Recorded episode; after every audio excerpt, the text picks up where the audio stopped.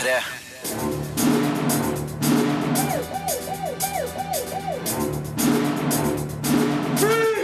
Filmpolitiet! What's your name, dude? Birger Vestmo.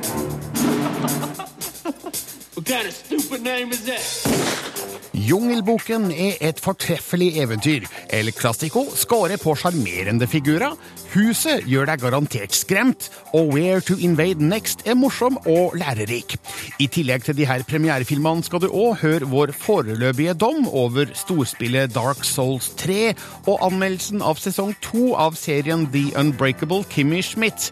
Regissør Halkot Mustafa skal fortelle hvordan han fikk ideen til El Clásico, og regissøren av Huset, Reiner Kiel, sier hva han har savna i moderne skrekkfilm.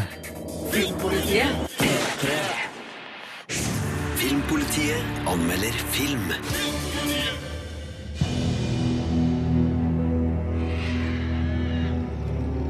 I can't help but notice there's this strange odor today.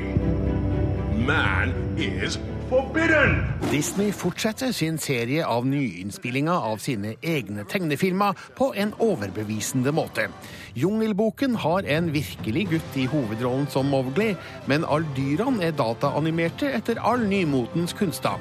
Én ting er at det ser helt fantastisk ut, en annen kvalitet er at regissør John Favreau, kjent for Iron Man-filmene og Chef, forteller et spennende eventyr som kanskje er for skummelt for det minste, men vil fenge barn og voksne i den rette alderen. The jungle is no longer safe for you. But this is my home. Only man can protect you now. Filmen er basert på Rudyard Kiplings bok om Mowgli, spilt av Neil Setti, den lille gutten som er adoptert av en ulveflokk i jungelen. Når tigeren Shere Khan, med stemme av Idris Elba, truer Mowgli, rømmer han sammen med panteren Bagheera, stemmespilt av Ben Kingsley, for å finne veien tilbake til menneskeheten. Det blir en farefull ferd, der de stifter bekjentskap med både den farlige slangen Ka, med stemme av Scarlett Johansson, og den slu apekongen Louie, der Christopher Walken gir stemme. Heldigvis møter de òg den snille bjørn Baloo, stemmelagt av Bill Murray. Bears don't hibernate in a jungle. Not full hibernation, but I nap. Handlinga bygges opp kjapt og effektivt. John Favreau forteller økonomisk og renskåret, kanskje med litt mye fortellerstemme, men det fungerer. Filmens yngre publikum vil aldri rekke å kjede seg. De blir introdusert for et spennende jungelmiljø, der noen dyr snakker, andre ikke. Historiens konflikt er enkel, men samtidig dyp.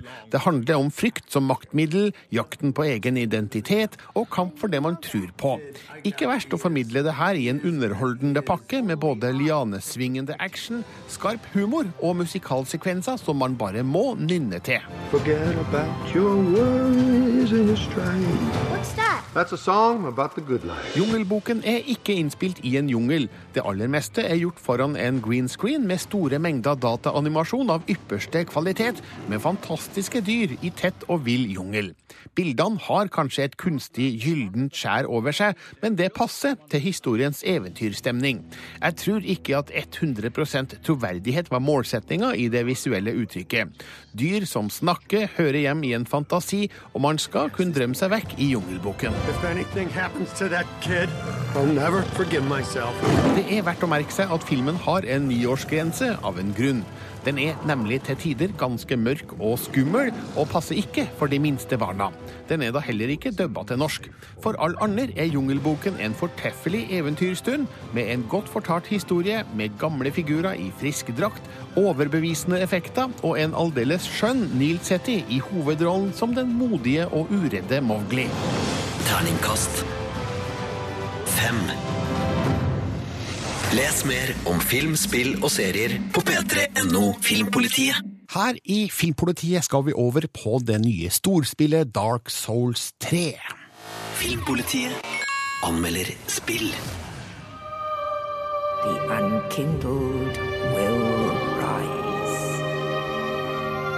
Nameless, accursed undead, unfit even to be cinder. And so it is that ash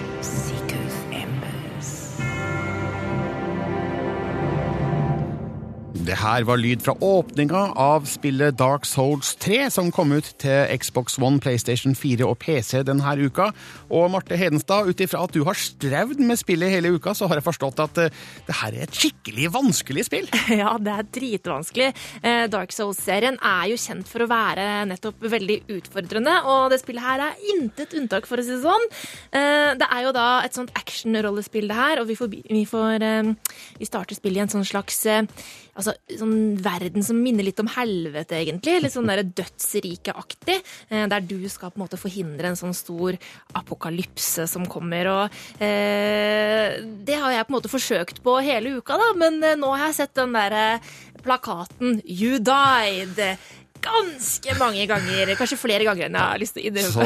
Så, så du, du drar til helvete. Jeg drar til helvete. Gamle referanse der. Men hvis det er så vanvittig vanskelig, er det noe gøy, da? Ja, altså Det er jo kjempegøy. Fordi at det er, eh, det er aldri spillet sin feil når du dauer. Det er ikke sånn at Dark Souls 3 er urettferdig.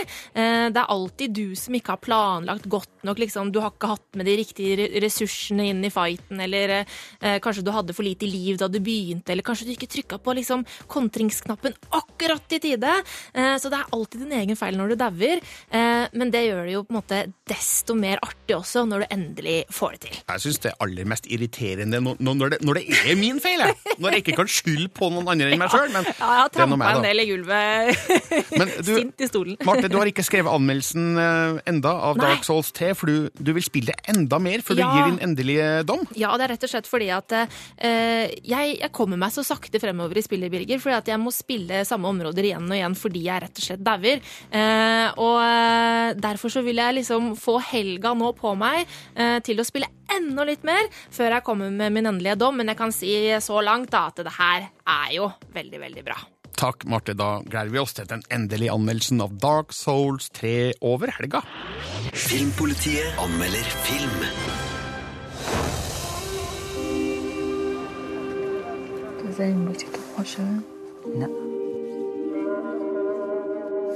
because of jealousy. Den norske filmen El Clásico er et kurdisk drama om fotball og kjærlighet som frir til publikum og får et forbeholdent ja tilbake fra meg. Den scorer på sjarmerende figurer, nyansert kulturformidling og overbevisende stedsskildring. Historien har elementer som grenser til det naive, og det merkes av og til at hovedrolleinnehaverne mangler skuespillererfaring. Når det er sagt, er det beundringsverdig hva regissør Halkot Mustafa har fått ut av dem, for brødrene Vrya Ahmed og Dana Ahmed er breddfulle av karisma og gjør El Clásico til en morsom film, til tross for at omstendighetene rundt figurene deres er alvorlige nok.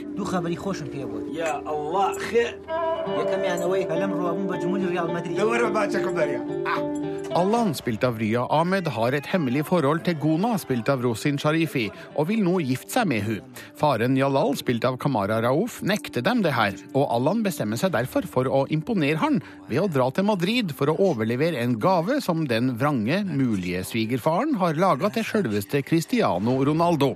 Broren Shirvan, spilt av Dana Ahmed, blir med, men det blir slett ingen lett oppgave å komme seg fra Kurdistan til Spania uten verken penger eller papirer. Kom, Gunnar.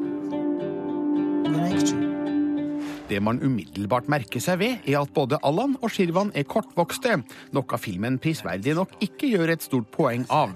I andre filmer er kortvokste gjerne med i kraft av sin kroppsstørrelse, men her er både Allan og Shirvan med i kraft av sin menneskelighet.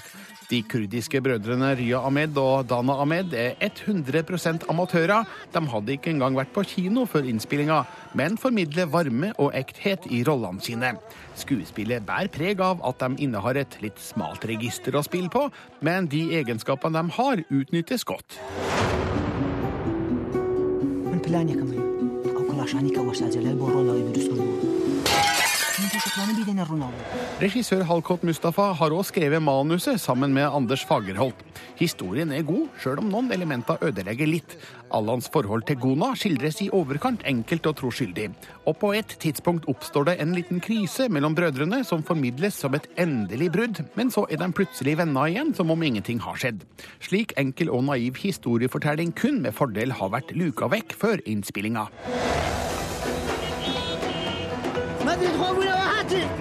El Clásico har en avslutning som i en perfekt verden burde vært bedre, sjøl om det fins gode grunner til hvorfor det ikke ble sånn. Filmen er uansett vel verdt å se pga. en interessant historie, flotte miljøskildringer, men mest av alt pga. hovedrolleinnehavernes sjarme og utstråling. Terningkast fire Filmpolitiet. på P3. Regissøren av premierefilmen El Clásico, norsk-kurdiske Halkot Mustafa, kom til Norge som 15-åring i 2000. I 2011 debuterte han med spillefilmen Rødt hjerte, og i dag kommer altså andre filmen, begge med historier lagt til opprinnelseslandet Irak. Her forteller Halkot Mustafa hvordan han fikk ideen til å lage film om to brødre som prøver å komme seg fra Irak til Spania for å overlevere en gave til Ronaldo. Nei, ideen kom fra en, eh, et oppdrag som jeg reiste til Nord-Irak for å gjøre en annen dokumentarfilm. Og så var jeg på hotellrommet mitt, og så plutselig hørte jeg masse lyd uten, utenfor. Og kom, løp jeg inn til resepsjonen, og så hørte jeg hva som har skjedd i byen. Eh, Og så sa de 'Ser du ikke Classico?' Jeg sa nei. Ja, men det er jo Real Madrid har vunnet, sa de. Og da er det på en måte ble, alle gatene ble stengt og folk strømmet ut og ja, det ble helt kaotisk i byen. Og jeg bare tenkte ja, yes, 22 flotte mennesker som spiller fotball i Madrid, men hele verden på en måte blir, blir engasjert i dette. Og så en uke seinere, når jeg kom tilbake til Oslo, så reiste jeg til Barcelona for å se NL Classico. Da tenkte jeg ok, nå må jeg gjøre noe. Eh, og rundt dette så ble jeg kjent med Gjennom en kortvokst organisasjon så ble jeg kjent med to fantastiske brødre som var Real Madrid og Barcelona-fan. Krangler veldig mye om Messi og Cristian Ronaldo, hvem som er best. Eh, og da på en måte linker jeg alt dette, og så ble det den filmen som har blitt, da. Men de som da spiller Allan og Shirvan i, i filmen, de er altså da i utgangspunktet ikke skuespillere. Hvordan forberedte du de til eh, jobben eh, foran kamera? Ja, altså når jeg kastet dem, så så jeg at de, de hadde noen talenter. Eh, og det viktigste at de var ekte brødre også.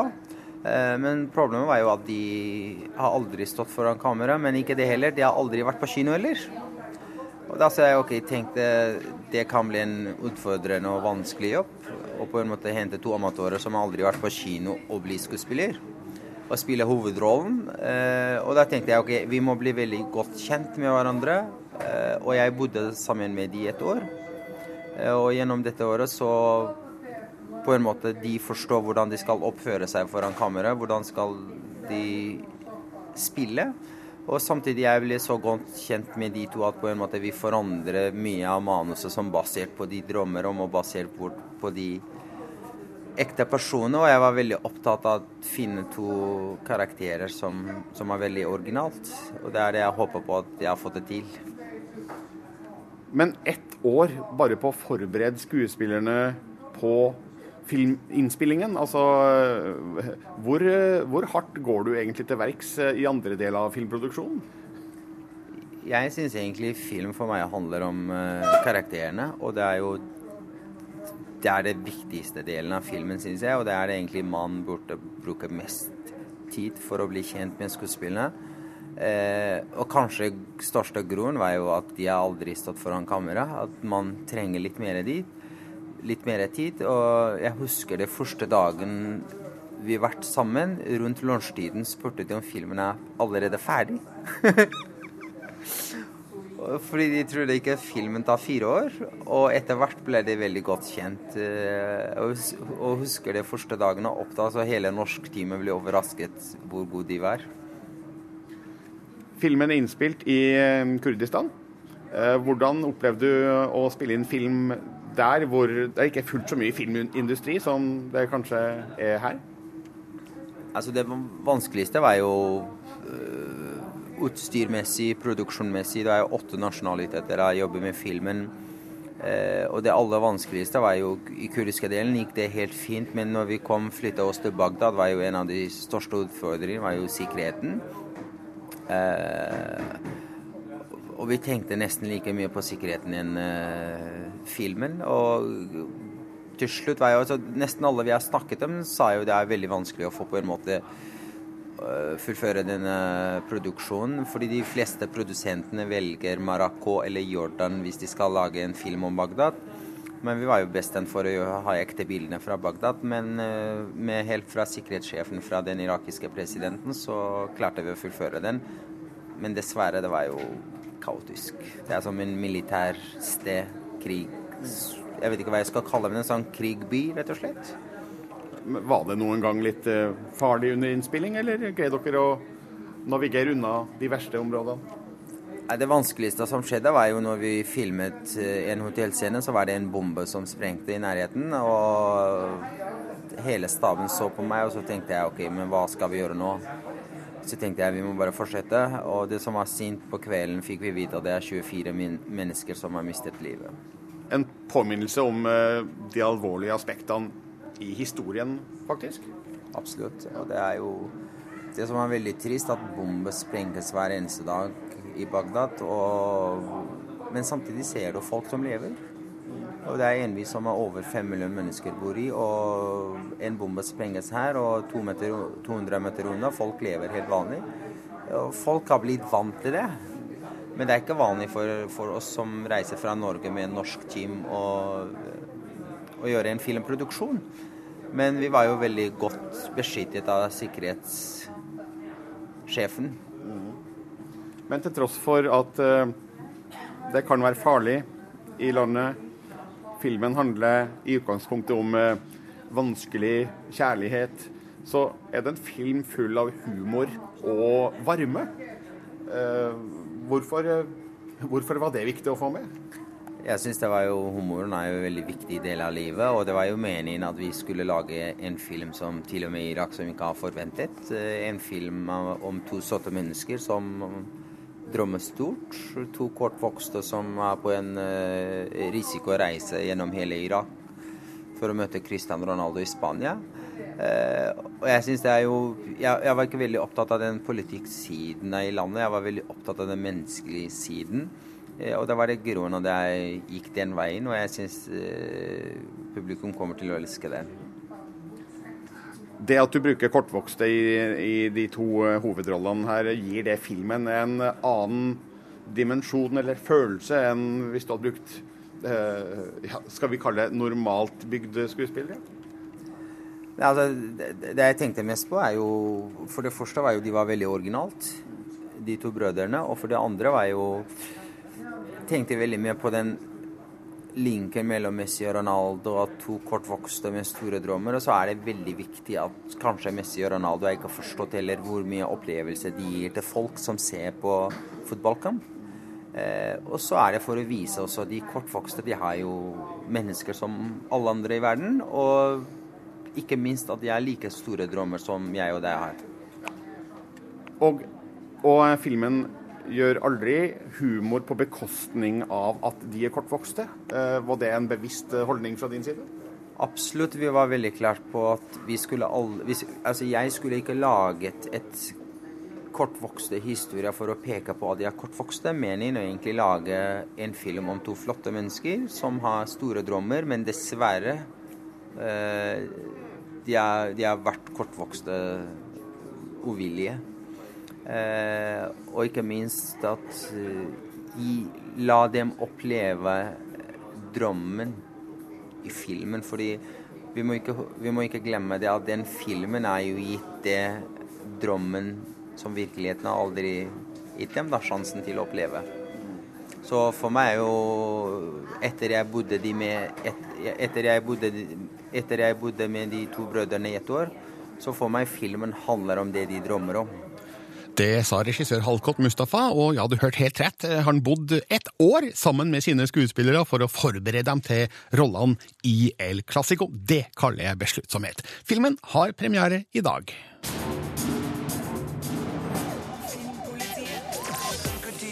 Nå skal det handle om eh, ting som skjer på filmfronten vi syns er interessante. Og Marte Hedenstad, hvor skal vi starte i dag? Jo, vet du hva? Eh, Vi skal egentlig starte i Las Vegas, der CinemaCon gikk av stabelen denne uka. Eh, For der sto eh, nemlig James Cameron på scenen.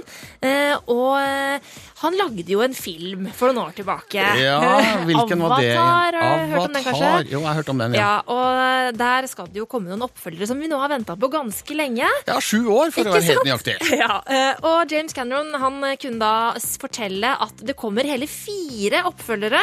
eh, At Avatar 2 kommer i eh, 2018. Og så kommer det da en film i 2020, 2022 og 2023. Oi, så han har litt av et løp foran seg, da, Det skjønner jeg. kan du si. Men uh, altså, den Avatar 2-filmen uh, Den har jo blitt utsatt så mange ganger nå at uh, jeg sier bare jeg tror det ikke før jeg får se det. Ja, men datoen skal være satt i 2018, så jeg tror at det, det her er rimelig bankers. Ja, vi får håpe det. Hva mer?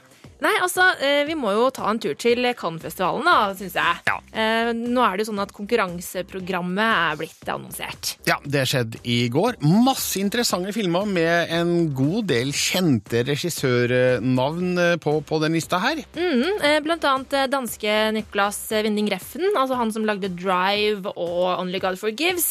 Det er jo en film som er laga for Amazon, Ja. så det er ganske kult. Det er vel den første filmen laget for en strømmetjeneste som er med i konkurranseprogrammet, så vidt jeg veit. The Neon Demon. eh, Det er en skrekkthriller, så det blir spennende. Ja, jeg er spent på Xavier Dolans It's Only The End of the World. De som så eh, Mamma, eller Mommy, på kino, eh, husker garantert den. Og hans nye film skal også delta i Cannes-programmet med Lea Seydoux, Marion Cotillard og Vincent eh, Cassel. Eh, Pedro Almodovars nye film 'Julietta' er med. Um, American Honey fra Andrea Arnold er med. Så i hele tatt masse god, spennende film i årets eh, Cannes-program. Ja, Og så må vi jo da nevne filmen som eh, har en norsk birolle, eh, nemlig Anders Danielsen Lie er jo med i Personal Shopper, som har Kristen Stewart i hovedrollen. Ja, så det er det største norske innslaget i årets Cannes-festival. Eh, dessverre, får vi si, men vi får håpe at det blir mye bra film.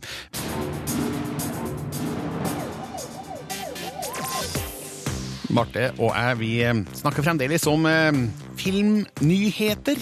Og Michael Keaton han har vært veldig i vinden eh, de siste åra, Marte. Ja, altså, han gjorde jo et sånt kjempecomeback med Birdband. En fantastisk film der han spilte en, en tidligere eh, sku, altså en skuespiller som har vært superhelt før. Eller, ja. altså, Veldig forvirrende. Eh, og det er jo ganske gøy med tanke på at eh, Michael Keaton har jo spilt Batman i sin tid. Han spilte også i Spotlight, som jo vant Oscar. Han er altså da en skuespiller som har vært med i to Oscar-vinnende filmer to år Ja, på rad her. Det er ikke dårlig, bare det. Eh, Og nå ryktes det at han returnerer til mm, fantasy-sjangeren. Ja, altså, det er nemlig Variety som melder at eh, Michael Keaton er in talks, som det heter. Altså, han er i forhandlinger eh, om å spille i den nye Spiderman-filmen. Eh, og det som jeg syns er veldig gøy der, er at det, er en skurkerolle som, som det er snakk om.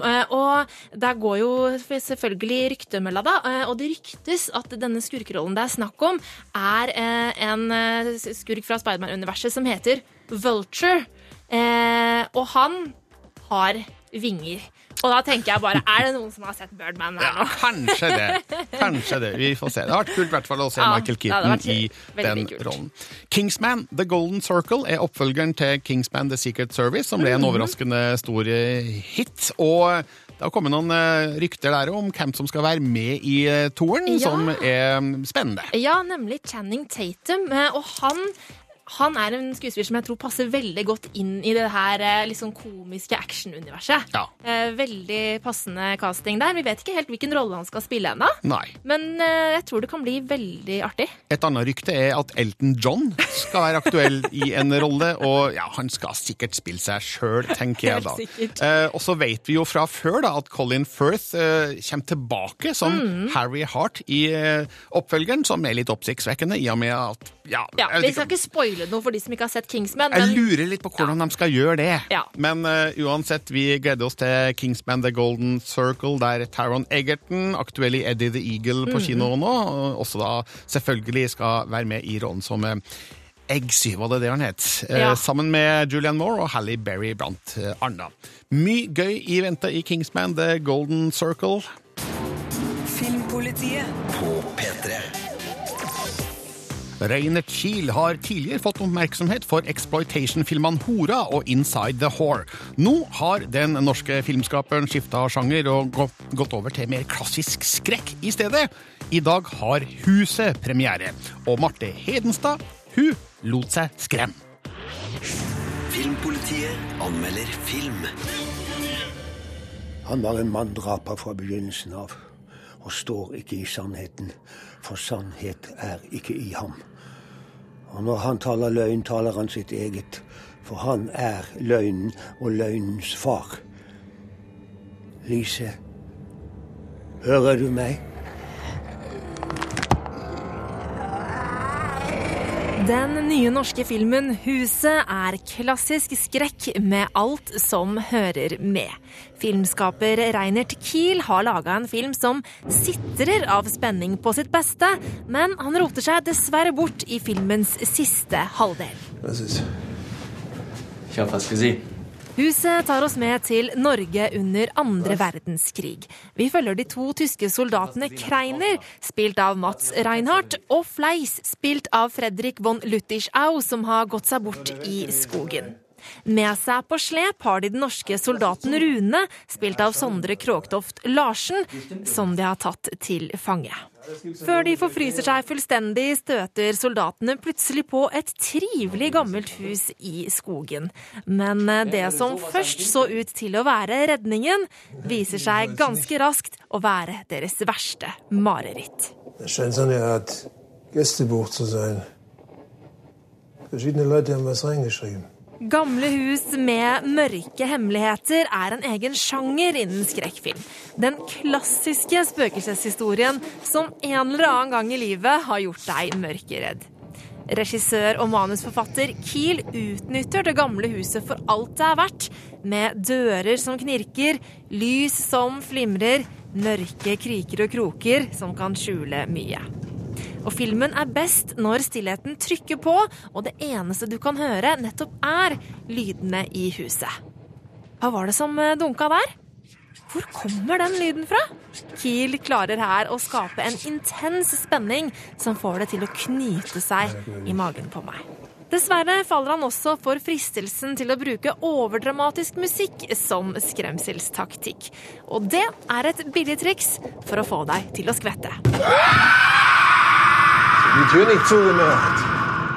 Det mest interessante med huset er den Groundhog Day-aktige vrien på historien. Det lekes med tiden på en måte som kunne ha hevet huset til å bli noe mer enn bare en ordinær skrekkfilm. Men når de forskjellige tidslinjene skal blandes mot slutten av filmen, går det dessverre i krøll. Det er for mange elementer som skal på plass, og det blir rett og slett litt forvirrende. Dermed daler spenningskurven istedenfor å løfte seg mot et klimaks på slutten. Men eh, Kiel har likevel vist at han mestrer sjangeren godt, og jeg håper han fortsetter i samme spor fremover. Og frykt ikke, selv om huset ikke når helt til topps, så kommer du likevel til å bli skikkelig skremt i kinomørket.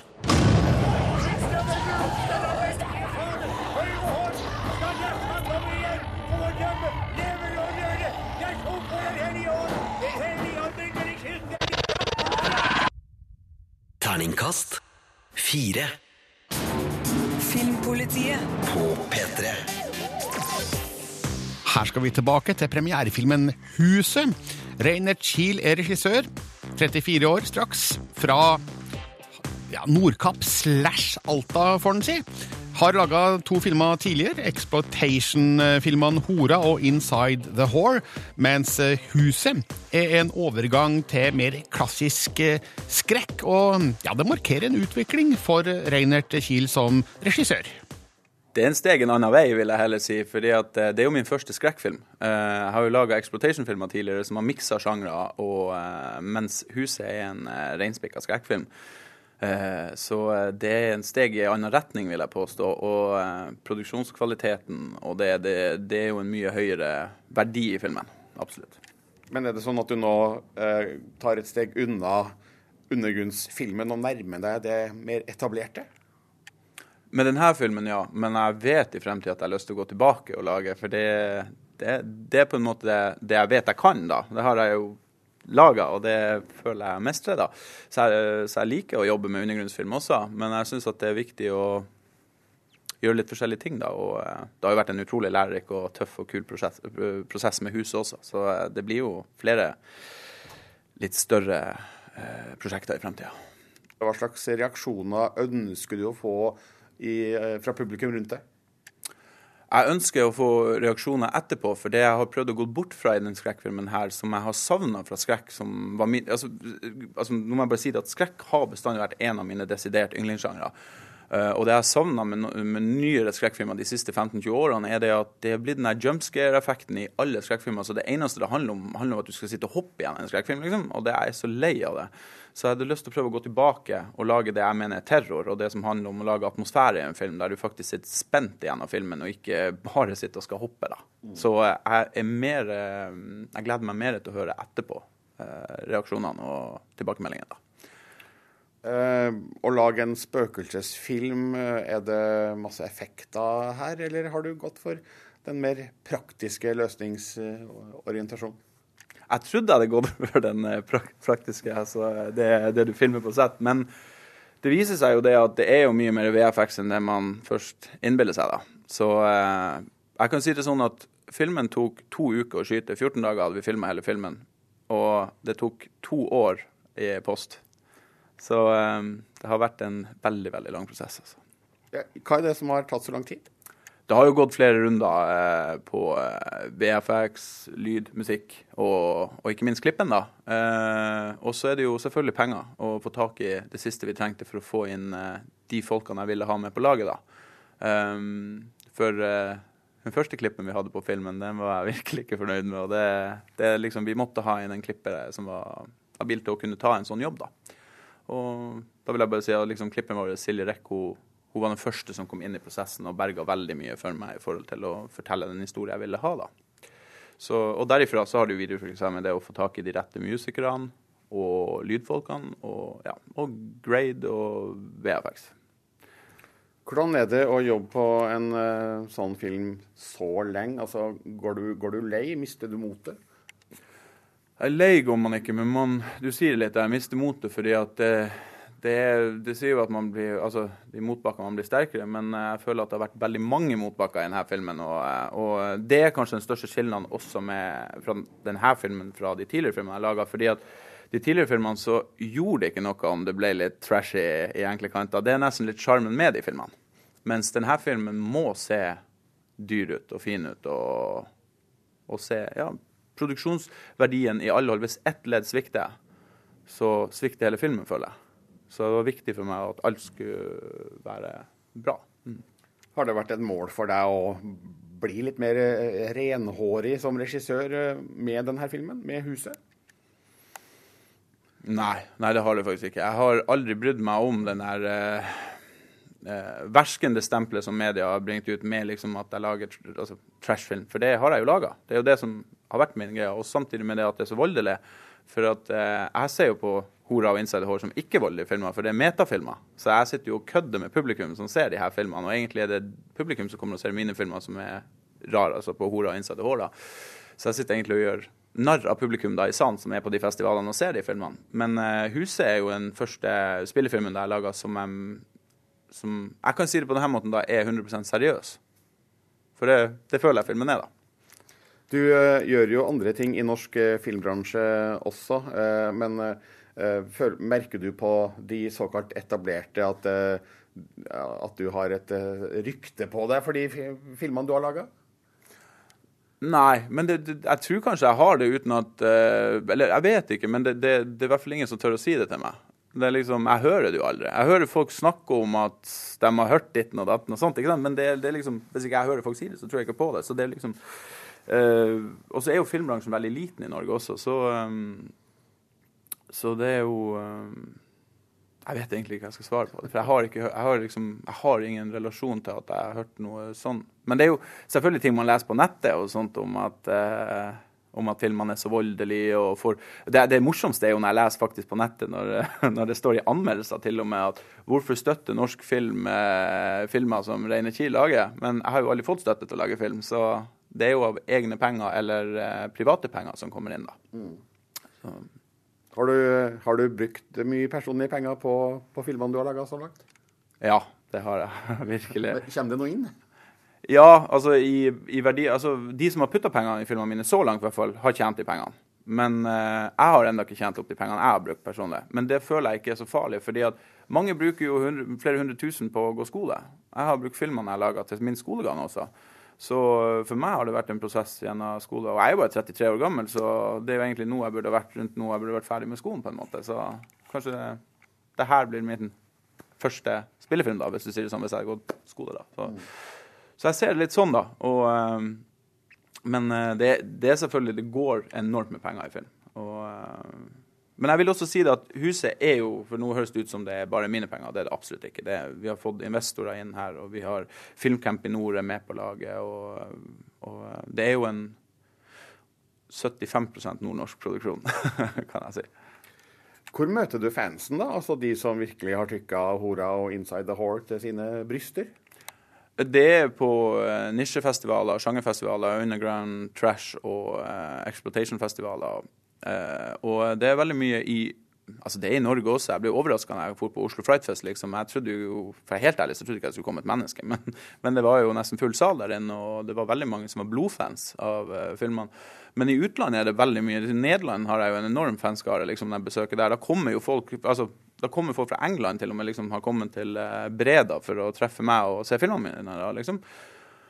Og eh, Spania var det Altså, det er den kuleste visningen jeg hadde i mitt liv. Det var i en gammel gymsal midt i Barcelona. Så hadde de tatt opp en eh, sånn Horror Vision, heter festivalen da. Og da sendte de det skikkelig grindhouse-stemning. De hadde bar inne i kinosalen. og jeg tipper det var kanskje 300-400 mennesker som satt inne i den salen der og ropte og heia med, og det var skåling og roping. Ja, det var virkelig kul stemning i den salen. da, og, eh, og, da merker du også det at når folk kommer bort til deg etterpå og skal ha autografen og skal ha liksom, ja, signert og sånt, da, så du merker virkelig det at de er De har liksom plakater og bilder sjøl av produksjonene. da. Og det er jo sånne ting, når jeg starta med Hora 1, så hadde jeg jo aldri trodd at det ble noe sånt. da. Men så er det bare å tenke tilbake når jeg sjøl var liten og jeg så til å se Necromantic til Jorg Butgareid. Hadde jeg møtt han som 15-åring, liksom, jeg hadde jo forguda han. Det var jo Og det er jo morsomt også, for han av alle Jeg har jo reist rundt og møtt mange av John Waters og mange av de her store gudene mine fra jeg var liten. Så, eh, så det er så morsomt, for Jorg Butgareid liksom, jeg møtte han, Han var den første sånn store kjendisen jeg møtte fra, av de her kultfilmskaperne. Og nå har jeg møtt han fire ganger på festivaler random rundt omkring i verden. da. Så det, det er liksom han, han, og jeg går igjen på de festivalene, på en måte. Så det har vært sånn køddegreier når jeg møtte han. da. Nå markerer huset en uh, utvikling for deg som regissør. Uh, har du tenkt å gjøre stadig nye ting? Ja, altså Sjangermessig? Ja, jeg skjønte det, det. Jeg har to prosjekter gå, gående nå. Så det er liksom, Det ene er en dramafilm som jeg har Første filmen nå jeg ikke skrevet manuset på sjøl, um, som vi er i en prosess på nå. Uh, som jeg vet vi blir å skyte, men det var spørsmål om vi blir å ta det om et år. da. Uh, men den andre filmen er en ren spikka postapokalyptisk actionfilm. Så jeg, neste filmen blir ikke en skrekkfilm eller uh, exploitation. Det, jeg, har lyst til å, jeg har bestandig hatt lyst til å lage en actionfilm. Altså en, uh, Norge har aldri laga en ren spikka actionfilm. Og uh, det, det, har egentlig vært min største drøm gjennom hele livet. Å lage noe sånn kickass i Norge, liksom. Men hvis en produsent ringer deg og spør har du lyst til å lage den neste Dr. Proctor-filmen, f.eks.? Da ville jeg sagt nei med en gang, fordi jeg hadde ikke klart å lage det bra. Så enkelt er det. Ja, du er ærlig på det. Ja, ja. Men det er det, det, jeg mener at det er mange feil regissører som tar mange feil jobber der ute. Mm. Uh, jeg er leken på en helt annen måte. Men uh, for jeg, jeg, altså, jeg, mener at du har, når du har regi på noe, så du må være så beinhard inni det og ha så sugen lyst til det. Jeg har jo prata med regissører som har laga mange av de største filmene i Norge, uten å nevne navn, som har sagt det at ja, ja, men det var bare en jobb. Og da tenker jeg at da blir det ikke et bra resultat. Må det være mer enn en jobb for deg for at du skal gidde å bruke tid på det? Ja, og det tror jeg stammer fra det at jeg aldri har fått penger, så jeg bestandig har liksom måttet gått inn full pupp og alt, liksom. Og, uh, så nei, jeg hadde, jeg hadde, ikke rørt noe hvis ikke jeg hadde trua på det. Uh, av spillefilmformat, i hvert fall. Liker du å jobbe i bratt oppoverbakke? Ja, jeg gjør det. Men jeg savner det å bare få én gang bevise hva jeg kan med å bare få bitte litt støtte. Altså det, det, det hadde vært så digg å bare få For det er noe med det der at når du, når du har litt penger på forkant, så klarer du å se på en måte hva du skal inn i. Men når du ikke har noe, så må du hele tida jobbe opp for å få de pengene samtidig som du skal inn i det krigen du skal i da, for å lage filmen. Så du har ikke mulighet til å planlegge i det hele tatt. Så eh, Men huset var faktisk mitt første prosjekt der vi hadde storyboard. Vi hadde planlagt bilde for bilde. Og, og eh, en annen ting jeg merka med huset også, er det at mange sier jo liksom det at eh, du har regissøren, og regissøren ofte trenger en regi. Altså sånt. Men jeg, jeg mener uten tvil at det viktigste du har med deg i en produksjon som en regissør, er fotograf. En fotograf du virkelig stoler 100% på. Og eh, Jon Erling Holmnes Fredriksen, som har filma denne filmen, altså, jeg, tror jeg, jeg tror ikke jeg vil lage en film igjen uten å ha han med på laget. Han, eh, han er fantastisk. Og nå er han i Sverige og lager, spiller inn sin andre spillefilm. Så mm. jeg syns det er veldig kult. Han, han stiger fort nå i systemet. Hvor henta du skuespillerne? eh, Hvor fant du dem? Jeg gikk igjen, jeg, Som sagt, jeg hadde jo ikke penger til å starte med, så, og så var det jo to tyske jeg måtte ha som hovedrolle. Og, eh, så jeg gikk faktisk gjennom audition over Skype gjennom agenter i Tyskland uten å si at jeg ikke hadde penger. Og så eh, Jeg måtte det, for det var ingen som ville, ingen svarte meg når jeg sa at jeg ikke hadde penger. Men så, det, så fikk jeg kontakt med noen, og det var eh, når jeg fikk kontakt med Mats Reinhardt, da, som har en hovedrolle, han eldste av de da, eh, spiller Kreiner, så, eh, så var det, det var så morsomt fordi at jeg tror han var helt negativ til filmen, helt til han hadde lest manuset. Og da, for det gikk ei uke før han svarte etter at jeg sendte manuset, og jeg tenkte han var ute. da. Så det var liksom en prosess, da. Og så er det litt tungt også med agenter i utlandet, for de er veldig sånn Det, det, det leddet der, de sier bare nei, nei, nei, nei med en gang. Og det skjønner jeg jo hvis ikke det er penger involvert. da. Så eh, Men jeg, jeg måtte ta en litt sånn En spansk en? En spansk en, ja. Takk. Har de fått lønn nå? Har de blitt betalt for jobben? Nei, men de, har fått, de ligger på kreditter. Og det som er litt positivt med denne filmen, da, hvis jeg kan si det sånn, det er at vi ligger veldig lavt i eh, produksjonsverdi innenfor eh, fysiske penger. da. Så filmen skal ikke ha så hinsides mange besøkende før pengene begynner å gå inn. Og jeg kan jo si det sånn, jeg har jobbet på mange filmer med kreditt. Oppimot 70-80% kreditt og gratis skyld. Jeg har aldri sett en krone igjen på eh, kredittlønna på noen filmer jeg jobber på. Til og med de filmene som har hatt over 200 besøkende. 200 000 altså. Så, eh, så det, det som er med her, Men jeg har aldri jobba på en film som har ligget under 5 millioner i rene produksjonskostnader. da. Så det er jo en bra Hvis det går bra med filmen på kino, da. Det er jo det. Ja, den er jo en av mange premierer, norske sådanne, utover denne vinteren og våren. Eh, Hvordan tror du huset finner seg til rette mellom de andre? Det er den eneste skrekkfilmen, da. Og så eh, er det Altså, det jeg håper veldig på, det er det at eh, vi klarer å eh, få den ut og få folk til å se det samme som jeg så når jeg ville lage filmen. At jeg savner en spøkelsesfilm fra Norge. En, en film som tar, tar, tar i noe du ikke ser eller kan kjenne, men kanskje føler, da. Og, og det er det som jeg syns er det skumleste med skrekk, er jo det du ikke ser. Og det som du bare hører er der ute. Eh, og, og, og det er jo de skumleste filmene som regel. Eh, så jeg håper det at eh, det kan trekke publikummet veldig til kino. At de, de får lyst til å bli terrorisert. Det er vel Ja. Selve huset, er det et faktisk hus? Både eksternt og internt?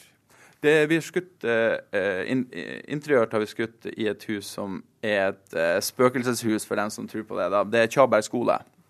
Eh, som har en sånn kjent, masse kjente historier gående gjennom det huset. Da. Det, men det har vi brukt som studio, så det bygde vi om til et hus som vi filma eksteriørt, da, som var et mye mindre hus. da. Um, så uh, ja, så det, det er to, to forskjellige hus satt sammen, da. Uh, med veldig mye snekring og veldig mye maling og tapetsering. Og siden filmen heter Huset, er det en figur i seg sjøl i filmen? Det får dere vente og se, eller du venter og se.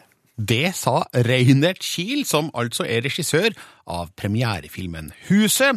Gi den en sjanse hvis du liker skrekksjangeren. Filmen har premiere i dag. Filmpolitiet anmelder film. USA! Yeah! Tittelen Where to Invade Next høres kanskje ut som en kritisk antikrigsfilm, men i stedet drar Michael Moore til Europa for å finne gode ideer han kan ta med tilbake til USA for å bedre sine landsmenns velferd. Som vanlig er den sterkt farga av Moores eget politiske ståsted, og han klipper sekvensene for maksimal effekt, så innholdet bør vurderes med kritiske øyne. Det formidles likevel unektelig flere interessante tanker i denne filmen, ikke bare for amerikanere, men òg for oss nordmenn. Where to Invade Next er i sine beste øyeblikk både morsom, underholdende og lærerik. My mission I will invade countries with names I can mostly pronounce. Take the things we need from them and bring it all back home. Tidlig i filmen sier Michael Moore at han er ute etter å plukke blomsteren, ikke ugresset. Det er en viktig setning å bite seg merke i, for det signaliserer at filmen ikke nødvendigvis bryr seg om å formidle nyanserte historier fra velferds-Europa. Vi får derfor noe ensidige skildringer av bl.a. italiensk arbeidsliv, fransk skolemat, finsk utdanning, norsk fengselsvesen og islandsk kvinnestyre. Sjølsagt serveres vi mange interessante poenger, men når medaljen mangler en bakside, blinker varsellampene. You're in prison for murder. Yeah. Right behind you are a whole bunch of very sharp knives. Yeah. Uh, Michael Moore er sjøl en aktiv figur foran kamera, slik vi har sett han mange ganger før. Han er fremdeles en interessant nysgjerrig Per, kanskje litt mildere i formen nå enn i hans tidligere filmer. Grepet hans med å invadere land og plante det amerikanske flagget for å stjele ideene deres, fungerer bare sånn passe, og blir litt krampaktig når han gjør det for tiende gang. Likevel fremstår han som en drivkraft som forlanger oppmerksomhet. You know I mean by debt? Not really. Debt is when you owe other people a whole lot of money. Noen av personene vi møter i filmen, har en tilbøyelighet til å belære filmens amerikanske publikum litt for skråsikkert, riktignok på Michael Moores oppfordring.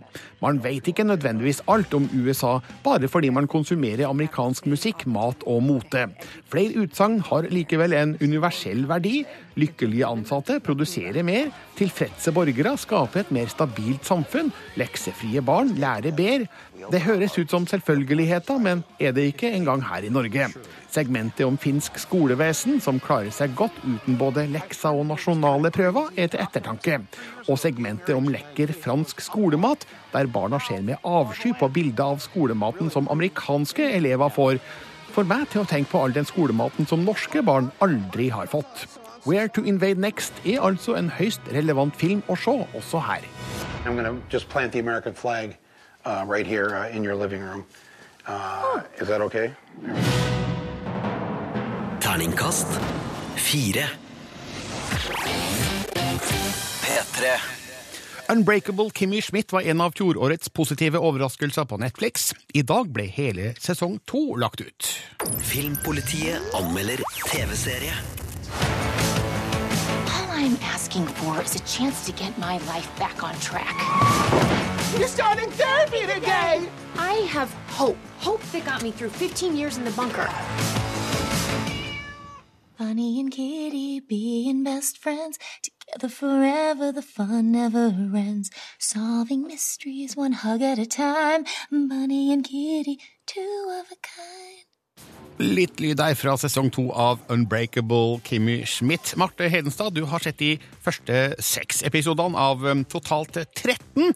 Lo du like godt av Kimmy Schmidt eh, denne gangen? Ja, altså hun er jo så morsom, og som vi hørte i det klippet her, så nå har hun oppdaga internett i større grad. Det her var da hun så en eh, kattevideo på internett, måtte synge en liten sang om en katt og en kanin. Veldig morsomt. For de uinnvidde, litt basics om ja. Unbreakable Kimmy Schmidt. Yes, Det er jo da Ellie Kemper som spiller Kimmy, som eh, var innesperra 15 år i en bunker fordi hun var med i en sekt som trodde at jorda skulle gå under. Og i sesong én så kom hun seg ut av denne bunkeren, eh, og nå skal hun da på en måte fortsette sitt eh, nye liv.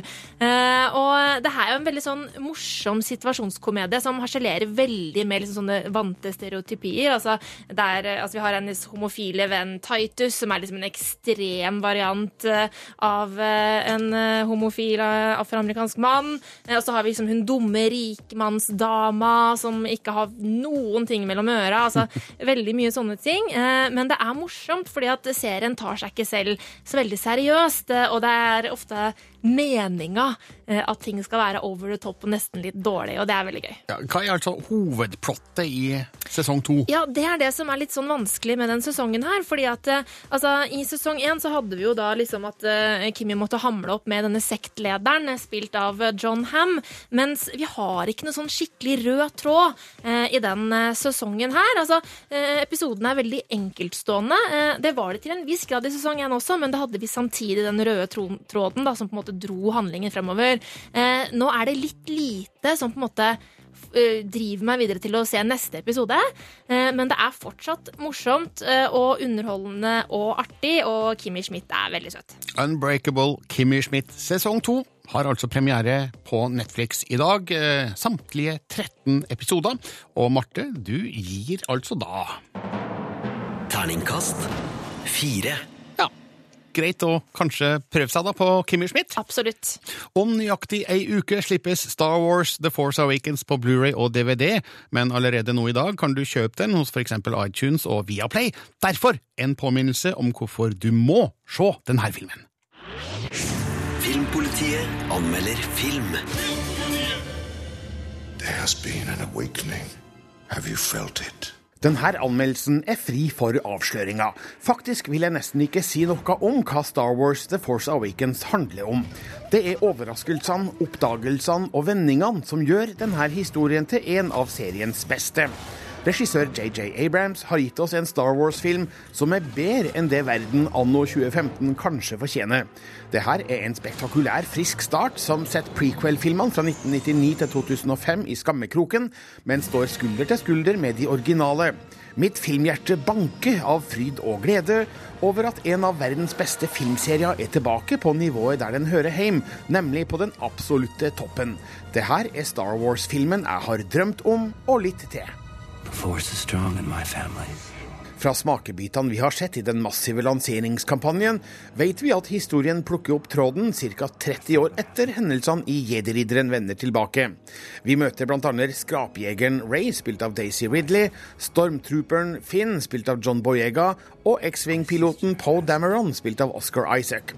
Skjebnen fører dem ut på et farlig eventyr gjennom verdensrommet, der Kylo Ren, spilt av Adam Driver, er en truende kraft. Noen gamle kjente blandes òg inn i begivenhetene, og vi får mer enn nok av både høy dramatikk, store følelser og eksplosiv sci-fi-action.